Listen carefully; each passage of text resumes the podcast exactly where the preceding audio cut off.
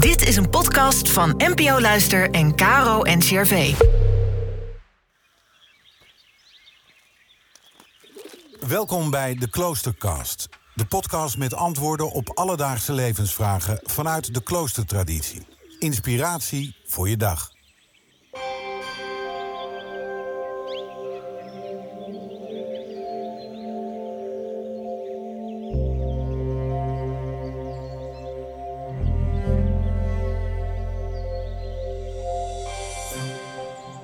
Maria van Mierlo leeft al 20 jaar volgens de regel van Benedictus. Zij vraagt zich af of leven en dood vrienden kunnen zijn.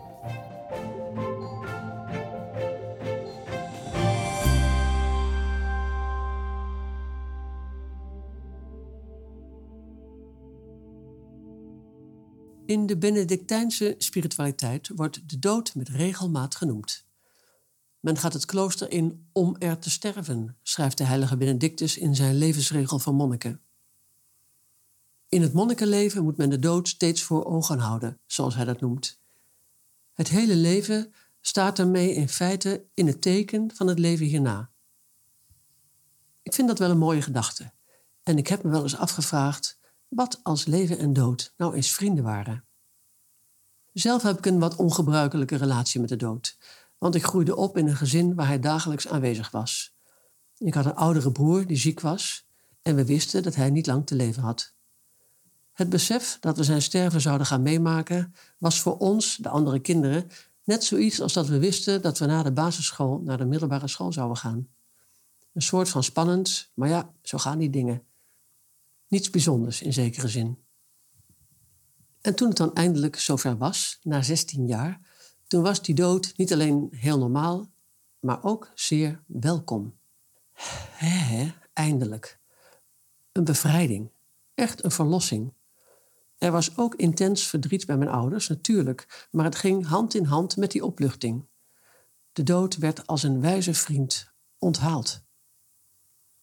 De dood was achteraf gezien altijd als een persoon aanwezig geweest. En dat bleef zo. Later toen mijn vader zelf te horen had gekregen dat hij zou gaan sterven, zei hij een keer: Kijk, daar staat hij.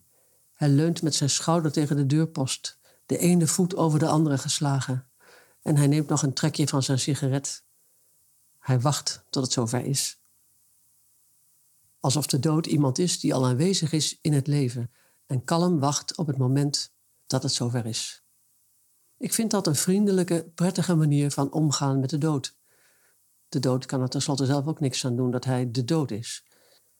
In feite is hij zelfs deel van het leven. Net zoals geboorte deel van het leven is.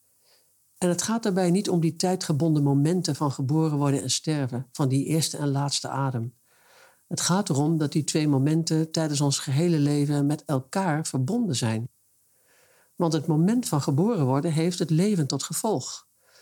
Elke dag dat ik leef is een gevolg van het feit dat ik geboren werd. Maar kijken naar de andere kant zie ik, elke dag dat ik leef is ook een dag dichter bij de dood. En die twee uitersten mogen elkaar als verre vrienden raken op de plaats waar ik sta. Ik wil niet leven zonder dankbaar te zijn voor het feit dat ik leef, maar ook niet zonder het einde uit het oog te verliezen.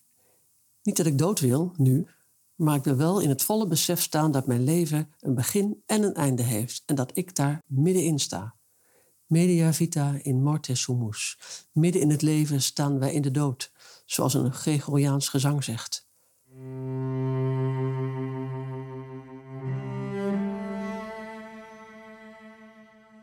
Ook voor de heilige Benedictus is de dood een gegeven, een vanzelfsprekendheid.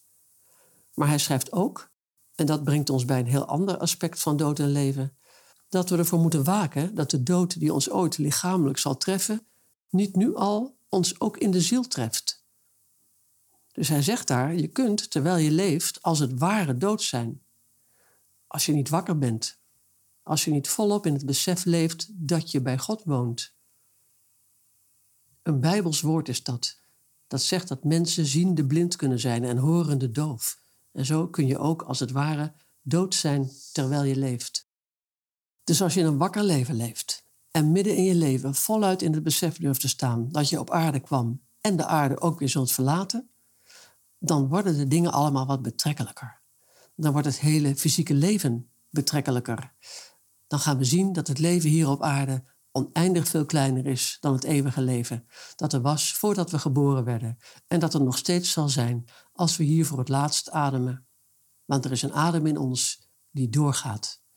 Dat is onze ziel, die leeft in tijdloze verbondenheid met de Alpha en de Omega. Gebed op leven en dood. Mijn Heer en mijn God, ik leef met U. Leeft U in mij, zodat ik als ik sterf U omhelzen durf en onbevangen wordt geboren, alle vrees voorbij.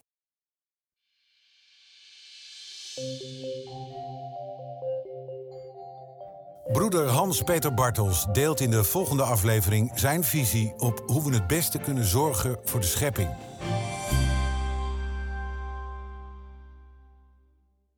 Dit was een podcast van NPO Radio 5 en KRO NCRV.